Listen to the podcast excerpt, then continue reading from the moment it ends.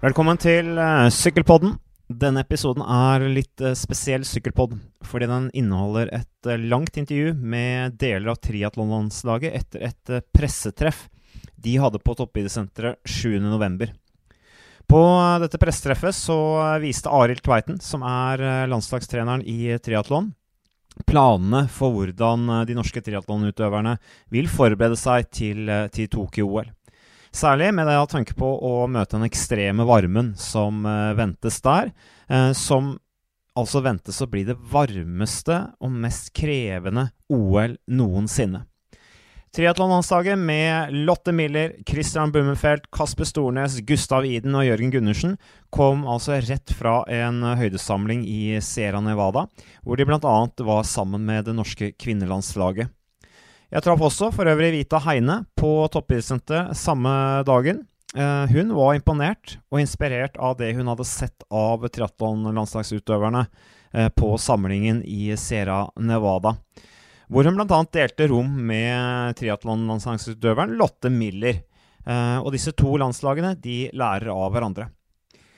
I podkasten, som dere nå snart skal høre, så satt jeg altså ned med Christian Blummenfelt, Kasper Stornes og Gustav Iden i anledning dette pressetreffet og testingen som er en del av forberedelsene til Tokyo 2020, hvor det norske triatlonlandslaget kanskje er blant Norges fremste håp til en medalje. TV 2 har eh, sendt eh, årets eh, VM-runder, hvor det da konkurreres i normaldistanse og sprintdistanse. Og syklingen i disse VM-rundene, og selvfølgelig også OL, eh, i triatlon er fellesstart. Eh, og jeg ønsket da å ta en sykkelprat med disse gutta, triatlongutta, i og med at sykkel tross alt er en viktig del av eh, deres idrett. I podkastet hører vi altså Christian Blumfeldt. Han er 24 år. Han er nummer fire på International Triathlon Union sin ranking, altså nummer fire. Eh, I VM-runden i år så eh, ble han nummer fem. Uh, og det etter da bl.a. tre andreplasser denne sesongen. På den olympiske rankingen så er Christian Blumfeldt nummer seks, og på kontinentalrankingen er han nummer tre. Det sier noe om på hvilket nivå Christian Blumfeldt har etablert seg. Kasper Stornes er 21 år. Han er rangert som nummer, 4, nei, nummer 24 på ITU-rankingen. I VM-runden sammenlagt så ble han nummer 16. Han overrasket jo triatlonverden da han vant denne andre VM-runden i årets sesong i Bermuda i suveren stil.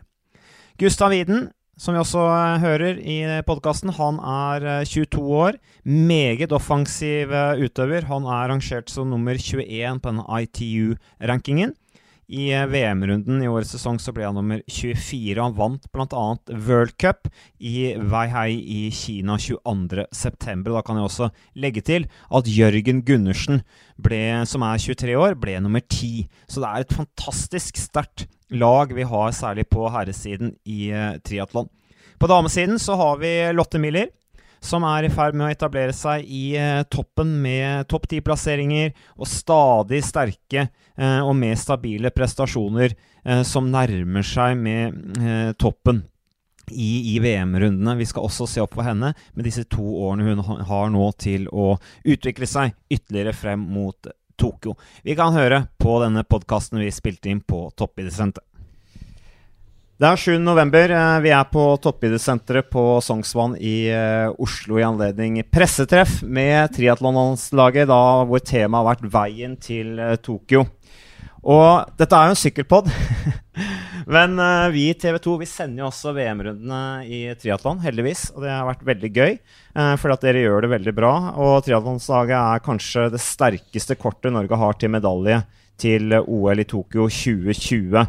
Og i triatlon så sykles det jo. For de som ikke vet det, så er det faktisk sykkel i triatlon. Uh, og triatlon er en sport i medvind, så jeg føler at det er naturlig at vi benytter den muligheten til å sette oss ned da med Er det en overdrivelse å si at dere er verdens beste triatlonlandslag? Christian Blumfeldt? Ja, vi er ikke langt ifra, i hvert fall. Vi har i hvert fall begynt å eh, dominere løpene eh, internasjonalt på øverste nivå. Sånn at eh, vi er et veldig sterkt landslag sammenlignet med kanskje det, de store andre nasjonene. De har kanskje én og to som gjør det bra, men vi er ganske kollektivt veldig sterke.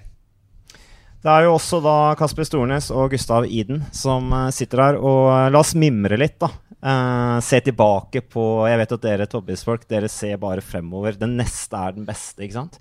men jeg som sportskommentator jeg vil gjerne mimre litt til Bermuda. Når var det? Det var altså 28. april. 28. april, ja. Det var stort. Det var et historisk øyeblikk. Ikke bare sett med norske øyne. Da, det, da tapetserte dere pallen i en VM-runde. Og det ikke bare det at Norge gjorde det, det var historisk sånn sett. Det har aldri skjedd før. Vi har aldri hatt en VM-rundeseier eh, i triatlon noensinne. Men det var også første gang en nasjon fikk trippel i en VM-runde. Så det var stort. Da var det du, Kasper, som eh, vant. Ja, det var det. Ganske sjokk, egentlig. Så ja, jeg var ganske sjokket sjøl for at jeg gjorde det, men ja, det var digg å ta den i hvert fall. Det var første som har gjort det. Men da var det jo Det jeg husker veldig fra det, var jo at uh, det, i og med at det er en sykkelpod, dere var utrolig offensive på sykkelen den dagen. Du klinte til. Jeg husker ikke hvilken runde det var, men ganske tidlig. Uh, det var etter andre runde på sykkel. Det, da var det, cirka, det, var, det var 30 km igjen. Og så uh, skulle jeg bare ta en føring, og så fikk jeg luke. Og så, ja, så bare vokste den luken mer og mer når jeg ja, brukte sjansen. Og bak så uh, Vi satt at dette var kjempegøy. Du var i solobrudd. Du bare økte. Uh, og så var det altså Så gikk dere til, da, Gustav og Christian, bak der. Og da reiv jeg meg litt i håret, husker jeg. Liksom, hva er det gutta driver med? Men så fikk dere en luke. og dere økte, dere også. Uh, og dermed så var det på en måte lå jo alt til rette for at dere skulle klare å holde inn på, på løpingen. Hva, beskriv hvordan dere tenkte da når dere gikk etter Kasper inne på rundene inne i Bermuda? Uh, det var jo egentlig i nesten 20 km etter at han har rykket, så hadde vi egentlig bare vært i felt og vært ganske sånn eh, Nesten bremset ned og mens de andre de, de, de vant at vi, er foran og drar. Så når vi ikke drar, så blir farten gjerne ganske sånn lav generelt i feltet. Så det har vært en del ute som har prøvd å rykke og sånn. Og så ut med 12 km igjen. Så prøver Gustav, eller Gustav og Jørgen òg i front. Så rykker Gustav, og Jørgen gir en luke mens jeg henger på. Så Jørgen er jo med og gir oss den luken som vi trenger. Og da skjønner vi egentlig at vi, er løs. Ja, så uh, hvis vi ser det utenfra, så ser det ganske idiotisk ut når vi allerede har en, uh, en, en solomann langt foran og går med to stykker. Men på det tidspunktet så var han såpass langt foran at jeg tenkte at uh, selv med en, et lite utbruddforsøk, så vil ikke vi ta nevneverdig innpå han. Sånn at sikker, seieren var sikret nesten uansett. Så hva det handler om å bruke mine, mine og Kristin sine sjanser på å ta de to neste parplassene òg.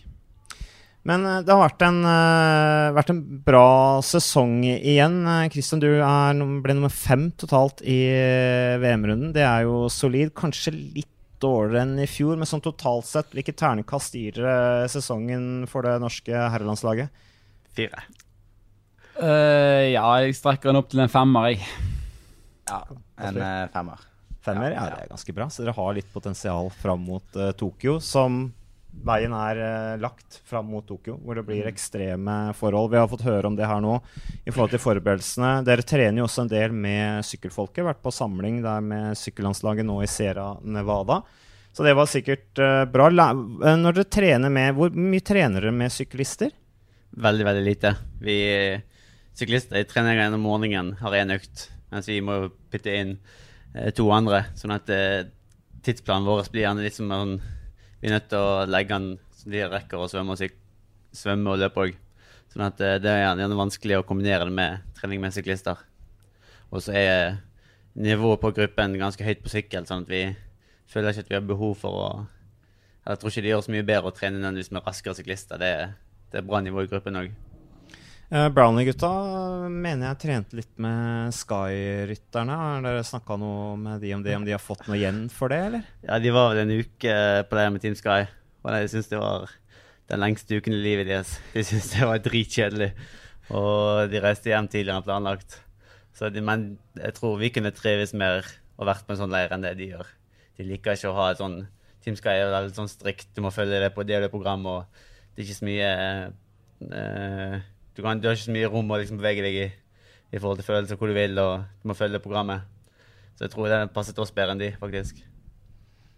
Men uh, hva blir nå viktig med forberedelsen med tanke på, på Tokyo? Vi har snakket litt om det på den pressekonferansen, men hva i forhold til varmen uh, Hva er det dere kommer til å fokusere mest på nå for å være forberedt til de forholdene som møter dere i Tokyo?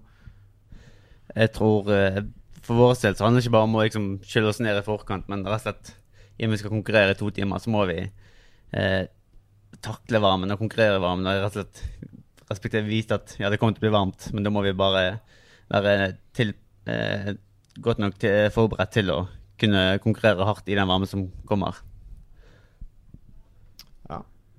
Gustav, vil du si noe? Uh, nei, og så tror jeg uh, varmen er jo det siste prosentet, men det handler jo om å uh, bare være ekstremt godt trent i tillegg. Så det hjelper ikke å være godt varmeaklimatisert hvis du er i elendig form. Så jeg tror nok ikke vi må gå i den varmefæl og bare akklimatisere oss til en varme hvis du ikke er i form. Nei, for Det har jo noe med anarobeterskelen å gjøre. ikke sant? Kapasiteten blir jo ja. lavere ekstrem varme, så jo høyere kapasitet du har, jo ja. bedre utgangspunkt har du. Ja. Så, men uh, sånn tilbake til sykling. Uh, hvor mye følger dere egentlig med på sykling? Kasper, jeg, det er mulig det ikke stemmer, at det bare er noe du har sagt. Men uh, jeg leste et sted at du at, at, Peter Sagan var en av dine idoler. Stemmer det, eller? ja, det stemmer.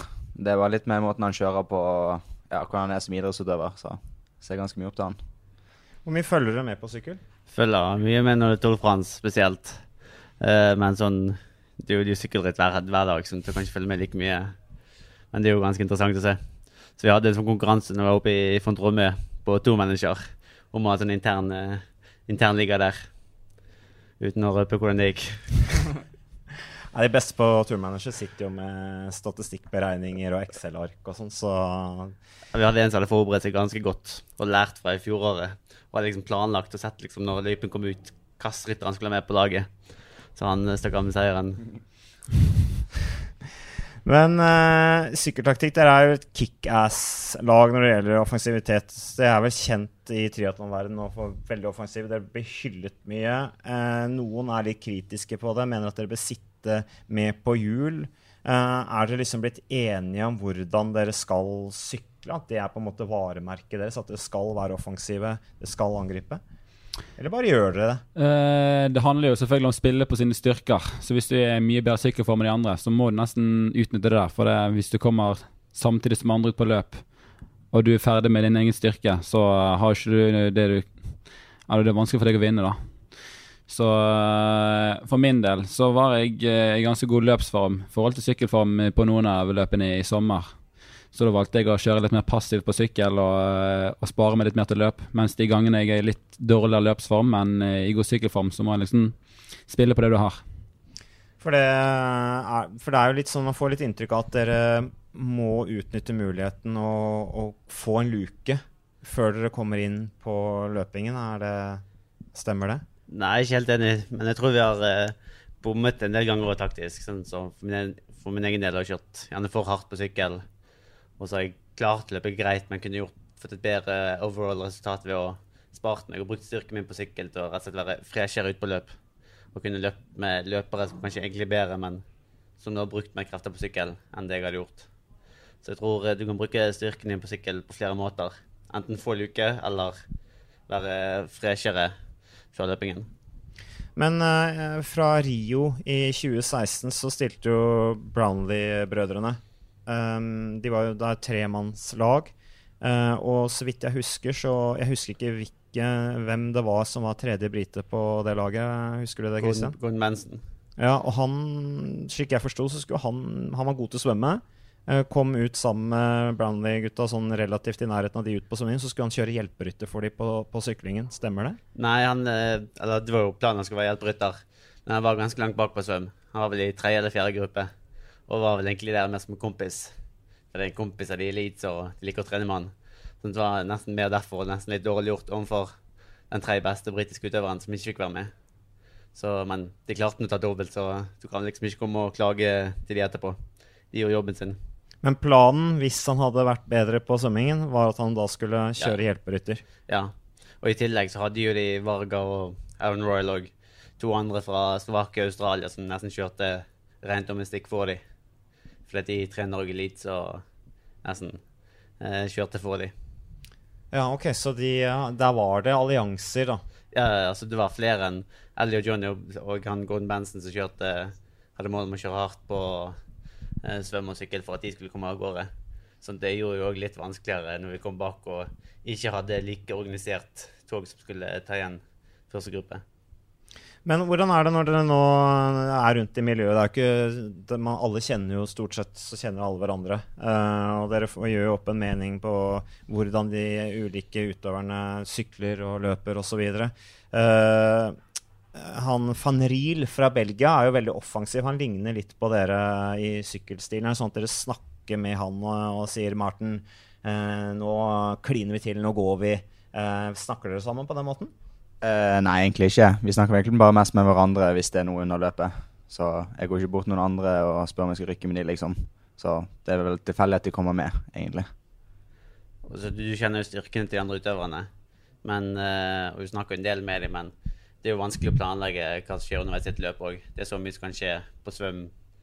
Uh, for, du kan liksom ha en plan og hoppe ut i vannet, men tre sekunder etterpå skal du bli slått i hodet og havne langt bakpå og rett og slett bare finne en ny plan. Så det er vanskelig å planlegge sånn sett.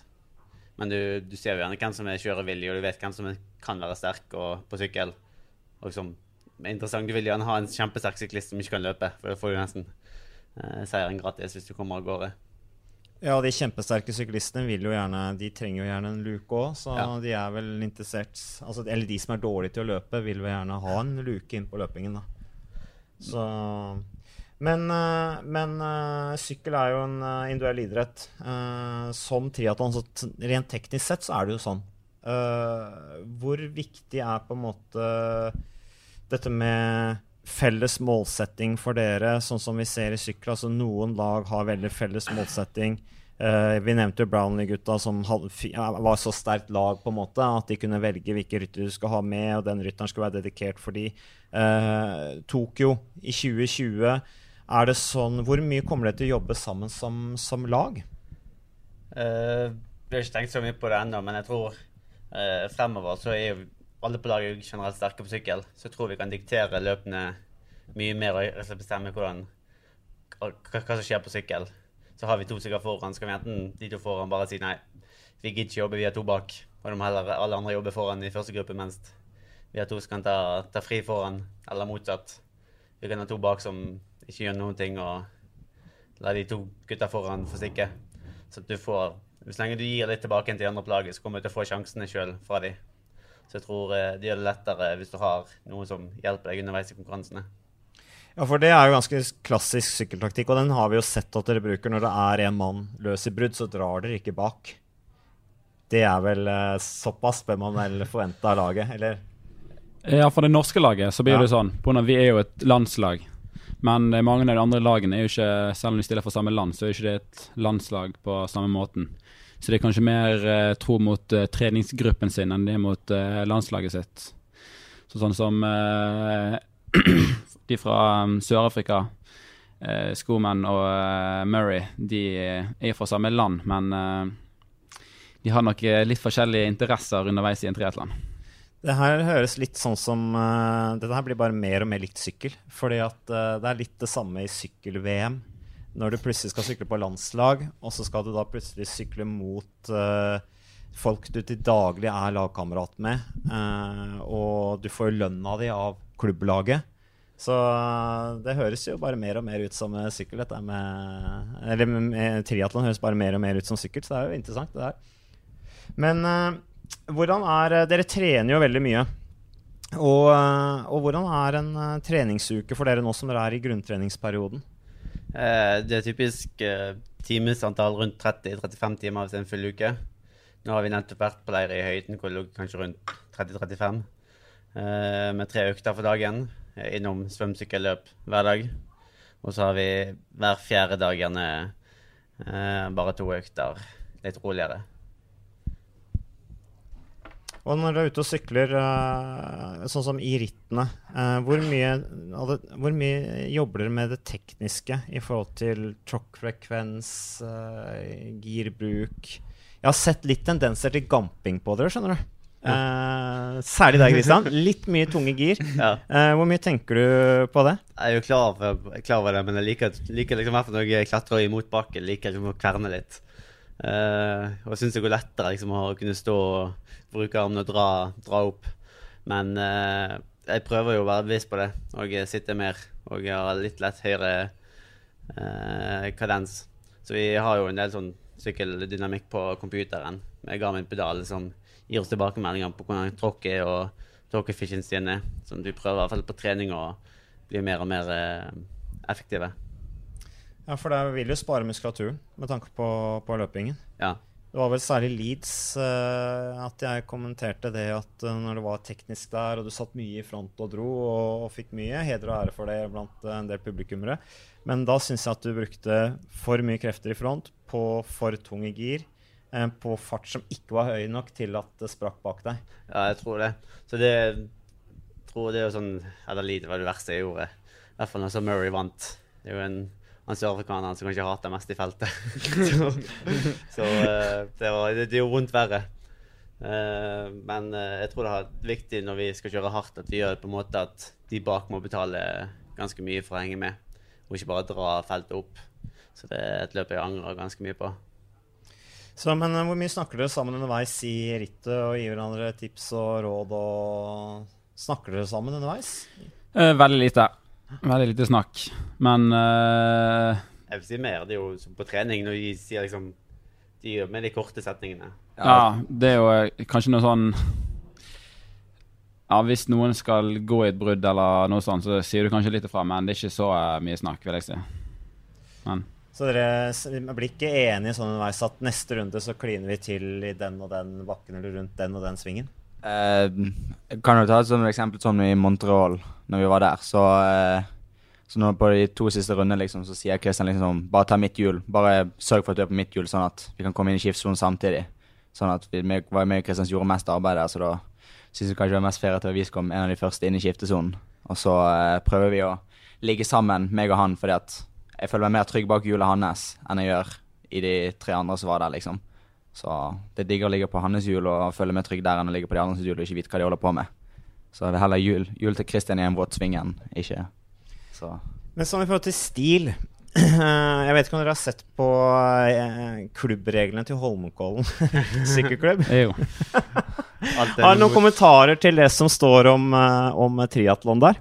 Jeg kjører glatt i triatlondrakt og løse armer og umatchende sokker og hansker og briller innenfor hjelmstroppen og sånne ting, så jeg har eh, null stil på trening. Jeg syns det er unødvendig det med jern- Der skal jeg alltid på utsiden. Men eh, har ikke alltid to like sokker, eller Jeg har ikke alltid sokker. Så, men eh, det, er- det er vanskelig å følge alle regler. Det er jo ikke, dere har ikke så mye tid på å tenke på stil når dere kommer ut av svømmingen og skal hive på dere sykkeldrakta heller, da. Det er kanskje ikke det første man tenker på. Nei, men vi tenker mer på trening, kanskje. Men i konkurranse så har vi de konkurransedraktene vi bruker. Altså Det er vanskelig å gjøre noe feil når det bare er én drakt på deg og ikke kan eh, bytte så mye. Kjøre uten sokker er jo eh, kanskje krisefeil nummer én vi gjør, men eh, kanskje akkurat prioritere det på en konkurranse. Men på trening, da, så da, men Gustav Widen, da mener du at du er ikke så opptatt av å se ut som syklist på trening? Absolutt ikke. Jeg ser ut som en triatlet som bare det. Syns du syklistene er litt jålete? Uh, ja, når de Ja, det kan Når det går utover treningen, så uh, liksom hvis man bruker tid på å pynte seg før en trening, da syns jeg det går litt for langt. Men hvis du bare har et matchende outfit så de bare slenger på seg, så er det greit. Men i sykkel så hadde vi jo uh, Mario Cipollini, Alejandro Pe- Petacchi og sånn som de lukta parfyme. Uh, har du noen eksempler på det i triatlon? Eh, Er det noen jålete triatlonutøvere? Ja, vi har vel noen jålete, men uh, Ikke like ekstreme. Nei, det er ikke noe ekstreme. Vi har med en på laget som prøver å være litt sånn jålete. En på laget, det norske laget? Endre. Prøver litt sånn. Til sånn sykkelskillet sitt og ja, veldig opptatt av det. Men det er ikke så lett å ha liksom det er sånn razor sharp eh, sykkelskille når du svømmer i speedo, så løper i Kenya-shorts, så sykler i triatlondrakt. Løper med liksom- singlet og Ja, det er liksom eh, Sykkelskille er jo ikke De er jo fine å ha, men som triatlet er det umulig å vedlikeholde. Ja, men Det er jo ikke spesielt fint på sykkelskille, så det må jo være Det viser jo litt status, da. Ja, jo, eh, jo, jeg er enig ja. i det, altså, enig i det. Men eh, ja, det, det er kanskje det, det er jo litt spesiell, spesiell stil, vil jeg si, da, å Ja. være opptatt av å skal ha sykkelskille. Men gjelder, når det gjelder tilbake til sykkeltrening, altså er det, når dere er ute og trener sykkel, s- er dere opptatt av Trener dere styrketråkk, uh, sånne ting? Nei. Eller det, det meste uh, Egentlig Det meste hardøktene vi gjør, det er terskeløkter og så langturer. Så vi prøver egentlig å være veldig effektive når vi først er på sykkel. Så bruker vi, For vi har ikke like mange timer vi kan sykle som en vanlig syklist. Som gjerne å fyller på med litt styrketråkk og litt andre ting. Så vi bruker mest egentlig De fleste økene er vel terskel eller rolig. Og så har vi resten av treningen på svømme og løp. Men sånn når dere er ute og sykler, og du sier uh, ute og trener terskel uh, Det er ikke sånn at dere har da økter Eller at dere har da partier underveis på sykkeltreninga hvor dere har fokus på høyt tråkkfrekvens, lav tråkkfrekvens? Eh, nei, vi ligger på en uh, en, en standard tråkkfrekvens. Og så ser du på torque efficiency, pedal smoothness og uh, høyre-venstre-balanse, f.eks. på uh, vektor trepedaler. Så vi får jo litt sånn teknisk input på de. Men vi har ikke noe sånn uh, noe styrketrakk, nei. Og så kjører vi litt sånn uh, isolerte bein. Altså eh, bare høyre eller bare venstre for å få litt teknikk på tråkket, men ingen styrketråkk. Men ville ikke det vært smart, da? For at den stilen dere har som syklister, å variere mer også rundt dette med tråkkfrekvens, i forhold til punch og trøkk og det at dere angriper mer enn konkurrentene? Eh, det kan stemme være, men eh, vi har ikke kommet så langt ennå. Men vi, vi har en spleier å ser og analysere uh, tråkkdataene våre, så kan godt hende at eh, han kommer eh, om et år og sier at vi må begynne med styrk- styrketråkk. Det blir spennende å se, men uh, bare en siste spørsmål. Uh, beskriv følelsen de første 500 meter, 500 meter av løpingen etter å ha syklet 40 km full guffe.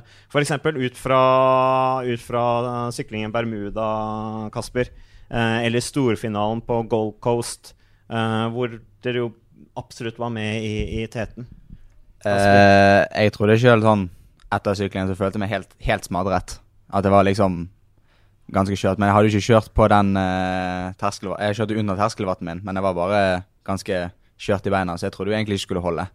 Så jeg, eh, etter 500 meter så var jeg ganske shaky. Så. Men det tar jo som oftest to-tre kilometer før du liksom finner løpebeina, og så kommer det mer etter det. Så ja. I hvert fall sånn jeg har det. Men Kasper, du vant jo Bermuda i suveren stil. Det var jo helt rått. Uh, man har jo maken Man har knapt sett maken til offensiv eh, sykling. Det var jo kjempeshow. Men var det sånn at du bare sa OK, nå får det briste eller bære på syklingen, og du bare ga alt og tenkte OK, sprekker jeg nå, så blir jeg ikke overraska? Hadde du litt det i tankene, eller? Eh, jeg hadde litt i tankene på at jeg kanskje burde roe litt ned i Jeg hadde litt lyst til å roe ned i bakken. Eh, sånn Sjøli litt at jeg kunne ta litt innpå. Men så sto jo faren til Jørgen der og ropte og heide, så det var litt vanskelig å, å roe ned der. Da, men jeg hadde jo trent mye på hva svarte skulle ligge opp bakken og pacing før på konkurransen. Vi var jo i høyden før. Så jeg hadde hatt noen spesifikke økter for den, for den sykkelløypen. Så da kjørte jeg på den vatten jeg hadde planlagt, og eh, ja, nedover og ligge tempobil og sånt, så det var, det var litt tanke bak det hva jeg gjorde. Så jeg visste jo at eh, jeg er litt svakere enn Blue og Christian på løp, så da må jeg bruke den styrken min på sykkel her og egentlig kom av gårde der, og at jeg fikk den luken jeg fikk, var digg. Så det høres litt ut som Chris Froome, da. Sitte og kjøre kontrollert på, på måleren. Ja, så jeg eh, så på vann hele tiden, og eh, jeg hadde øvd på å sitte i, eh, i tempostilling hele tiden. Eller på treningsøktene før konkurransen òg, så liker å ligge der. Så. Alle triatleter i dag på det nivået dere er med og konkurrerer, kjører med wattmåler, eller? Nei, ikke alle. Jeg tror faktisk ikke Alistair gjør det når han kjører ITU. Han har ikke computer heller. Eh, sikkert tror ikke Johnny heller. Så det er litt forskjellig. Men vi bruker dataene ganske mye både underveis og i etterkant for å optimalisere treningen. Så jeg syns det er rart at ikke alle gjør det. Men tilbake til den beskrivelsen. altså De første 500 meterne av løpingen det kan jeg bare tenke meg er tungt. Uh, Gold Coast, uh, du skulle si noe. Jeg la det jo litt opp til deg også, Christian Blumfeldt. Uh, hvordan er liksom følelsen når du er i den Du har vært ute på svøm, levert resultatene, kommet ut av syklingen med en liten luke, og så er det disse her siste ti kilometerne med løping. med, du, du har djevelen bak deg som, som puster deg i nakken. Hvordan er liksom Hva tenker du? Ja, det verste er jo når du har folk bak deg som jakter deg. Men uh, hvis du f.eks. er i en stor felt og kommer av, av sykkel, så spurter jo alle ut første kilometeren. Så første kilometeren er jo alltid den raskeste. Og det gjør jo nesten vondt verre når, når du allerede er liksom desorientert fra syklingen og da skal over på løp. At egentlig hele feltet løper ganske fort. Så nest, da handler det egentlig bare om å ha litt is i magen og ikke ta noen føringer egentlig første, første runden, men heller tenke at du kan avgjøre løpet siste fem, hvis du klarer å henge med til det punktet. Men eh, karer, det var uh, veldig hyggelig at dere kunne bidra på Sykkelpodden. Eh, og dere kan jo masse om sykling, følge med. Og vi følger veldig med på dere også nå. Det blir en spennende sesong i, uh, i 2019. Og så er det jo 2020 som blir et uh, veldig spennende år også med tanke på, på OL i Tokyo. Uh, Gustav Widen, eh, hva, hvor legger du lista i forhold til hva vi kan forvente rundt eh, Tokyo? Jeg vet du er Jeg offensiv. eh, presterte å si til TV 2 i dag at jeg garanterte en medalje, så eh, ja. Jeg garanterer medalje. Er ikke det litt beskjedent? Eh, Jeg burde jo ikke sagt medaljer. Eh, jo, men hvis jeg sier medaljer, så liksom brister det bare på de andre, ikke på meg. Så hvis jeg sier medaljer, så er det bare opp til meg å gjøre saken eh, biff. Så. Det gjør den enkelt for meg, da, hvis han bare skal ha medalje. Så kan, kan jeg si gull, da. Vi har vel alle mål som medalje i OL der, så Blir en ny Bermuda ja. med en ny rekkefølge. Det høres Nei, litt sånn ut. Dere får bli enige om rekkefølgen underveis. Ja. Men uh, takk for bidrag, karer. Masse lykke til med videre forberedelser og konkurranser. Tusen takk. Takk, takk. takk.